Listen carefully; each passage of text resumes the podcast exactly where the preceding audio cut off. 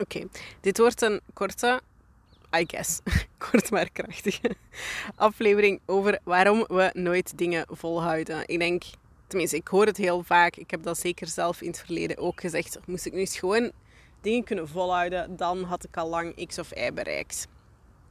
Ehm, maar dat we dingen niet kunnen volhouden, dat wil niet zeggen dat er iets mis is met ons. Dat denken we dan dikwijls. Maar ja, dat ligt aan mij. Ik, dat is makkelijk. Officieel zou dat gewoon moeten gaan.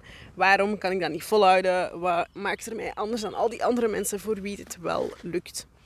Maar op het moment dat je erachter komt dat je iets niet vol kan houden, of dat het jou veel moeite kost om iets vol te houden, dat is eigenlijk gewoon het moment waarop dat je erachter bent gekomen dat de manier waarop het voor die andere persoon of personen of voor de rest van de wereld werkt, dat dat niet helemaal voor jou werkt. Of dat wat er tot nu toe voor jou werkte, niet meer zo goed werkt. Want dat kan ook gewoon. Dat heb ik ook. Ik, ik heb dat, dat, dat heb ik redelijk vaak. Dat ik een tijdje iets doe en dat dat voor die periode wel werkt en dat het daarna op een bepaald moment niet meer werkt.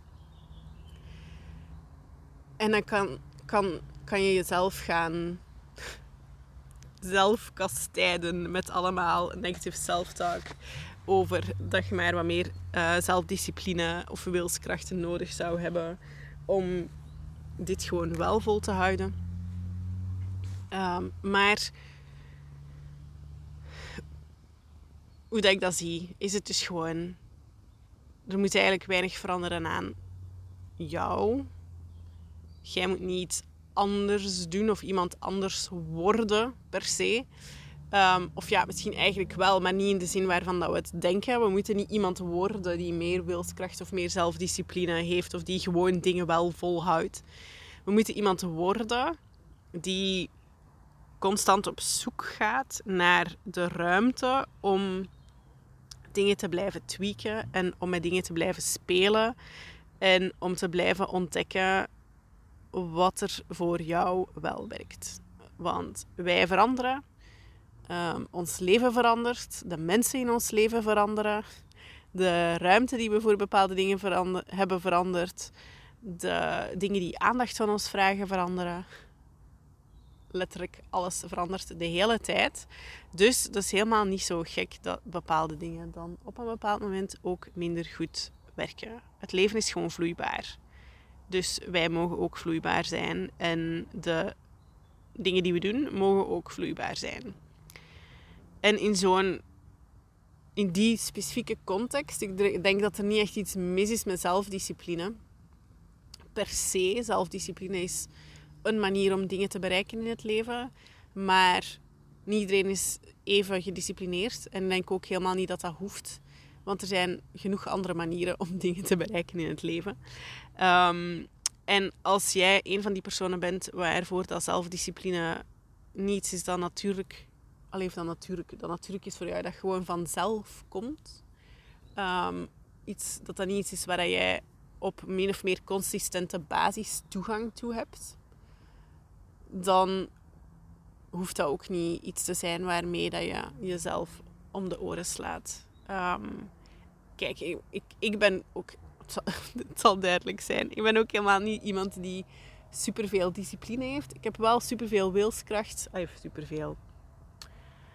Ik kan dingen doen op wilskracht. Maar altijd van op, vanuit wilskracht te werken is ook iets wat uiteindelijk leidt tot demotivatie en burn-out. Dus ik zou het niet aanbevelen. Maar het allerbelangrijkste bla bla bla. Het allerbelangrijkste is de ruimte maken om te spelen en te tweaken met wat dat je aan het doen bent en de manier waarop dat je dat doet aan te passen.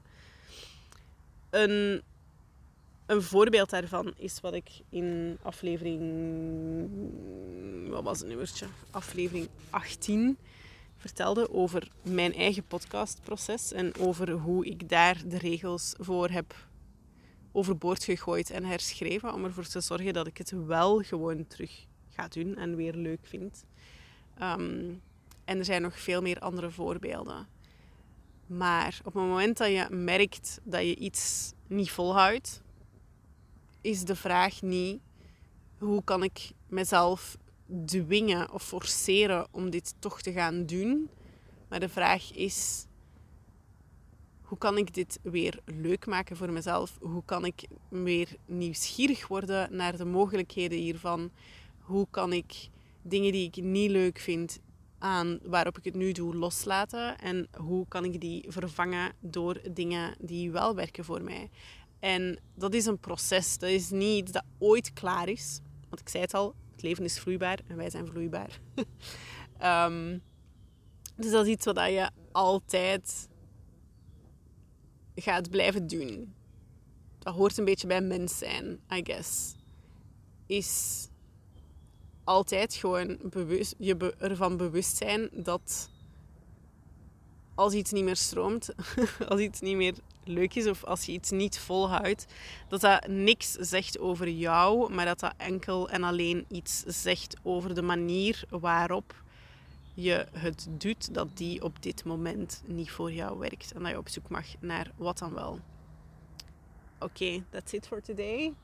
Be kind to yourself. Altijd, altijd lief zijn voor jezelf.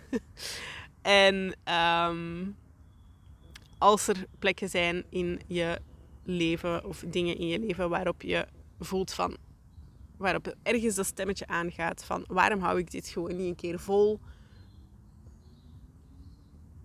Laat het daar stoppen met de negatieve self-talk en ga gewoon op zoek rustig met een journal erbij of in gesprek met iemand waar je een vertrouwensband mee hebt um, naar wat dan wel? Wat werkt er wel? Wat geeft er ruimte? Wat voelt er speels? En wat mag er aangepast worden?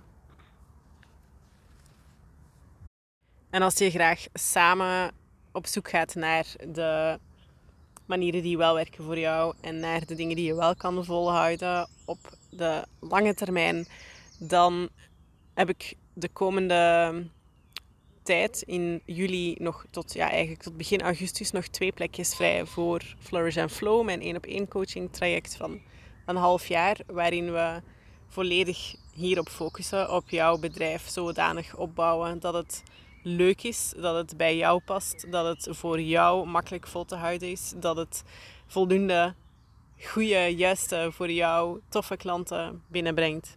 Ehm, en al die dingen. En als je graag een keer wilt kijken of dat iets voor jou zou kunnen zijn, dan nodig ik je graag uit voor een discovery call. Ehm, als je dat graag wil, stuur mij gewoon een DM of vul het contactformulier op mijn ehm, website in.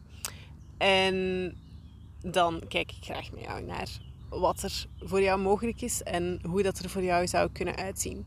Hoe gaat zo'n kennismakingsgesprek slash discovery call in zijn werk? We gaan gewoon kijken naar of we een goede match zijn en of Flourish and Flow voor jou het juiste traject is. En that's it. Jij beslist op jouw tijd of je het wil of niet. Je hoeft niks te beslissen in de call. En je krijgt gewoon tijd om erover na te denken. Tijd om al je vragen aan mij te stellen. Um, zodat jij aan het einde van dat gesprek of een paar dagen later een empowered decision kan maken voor jezelf. En kijken of dit de volgende stap is voor jou. Dus, ben je nieuwsgierig? Geef mij een seintje en dan kijken we wanneer we een gesprek kunnen inplannen.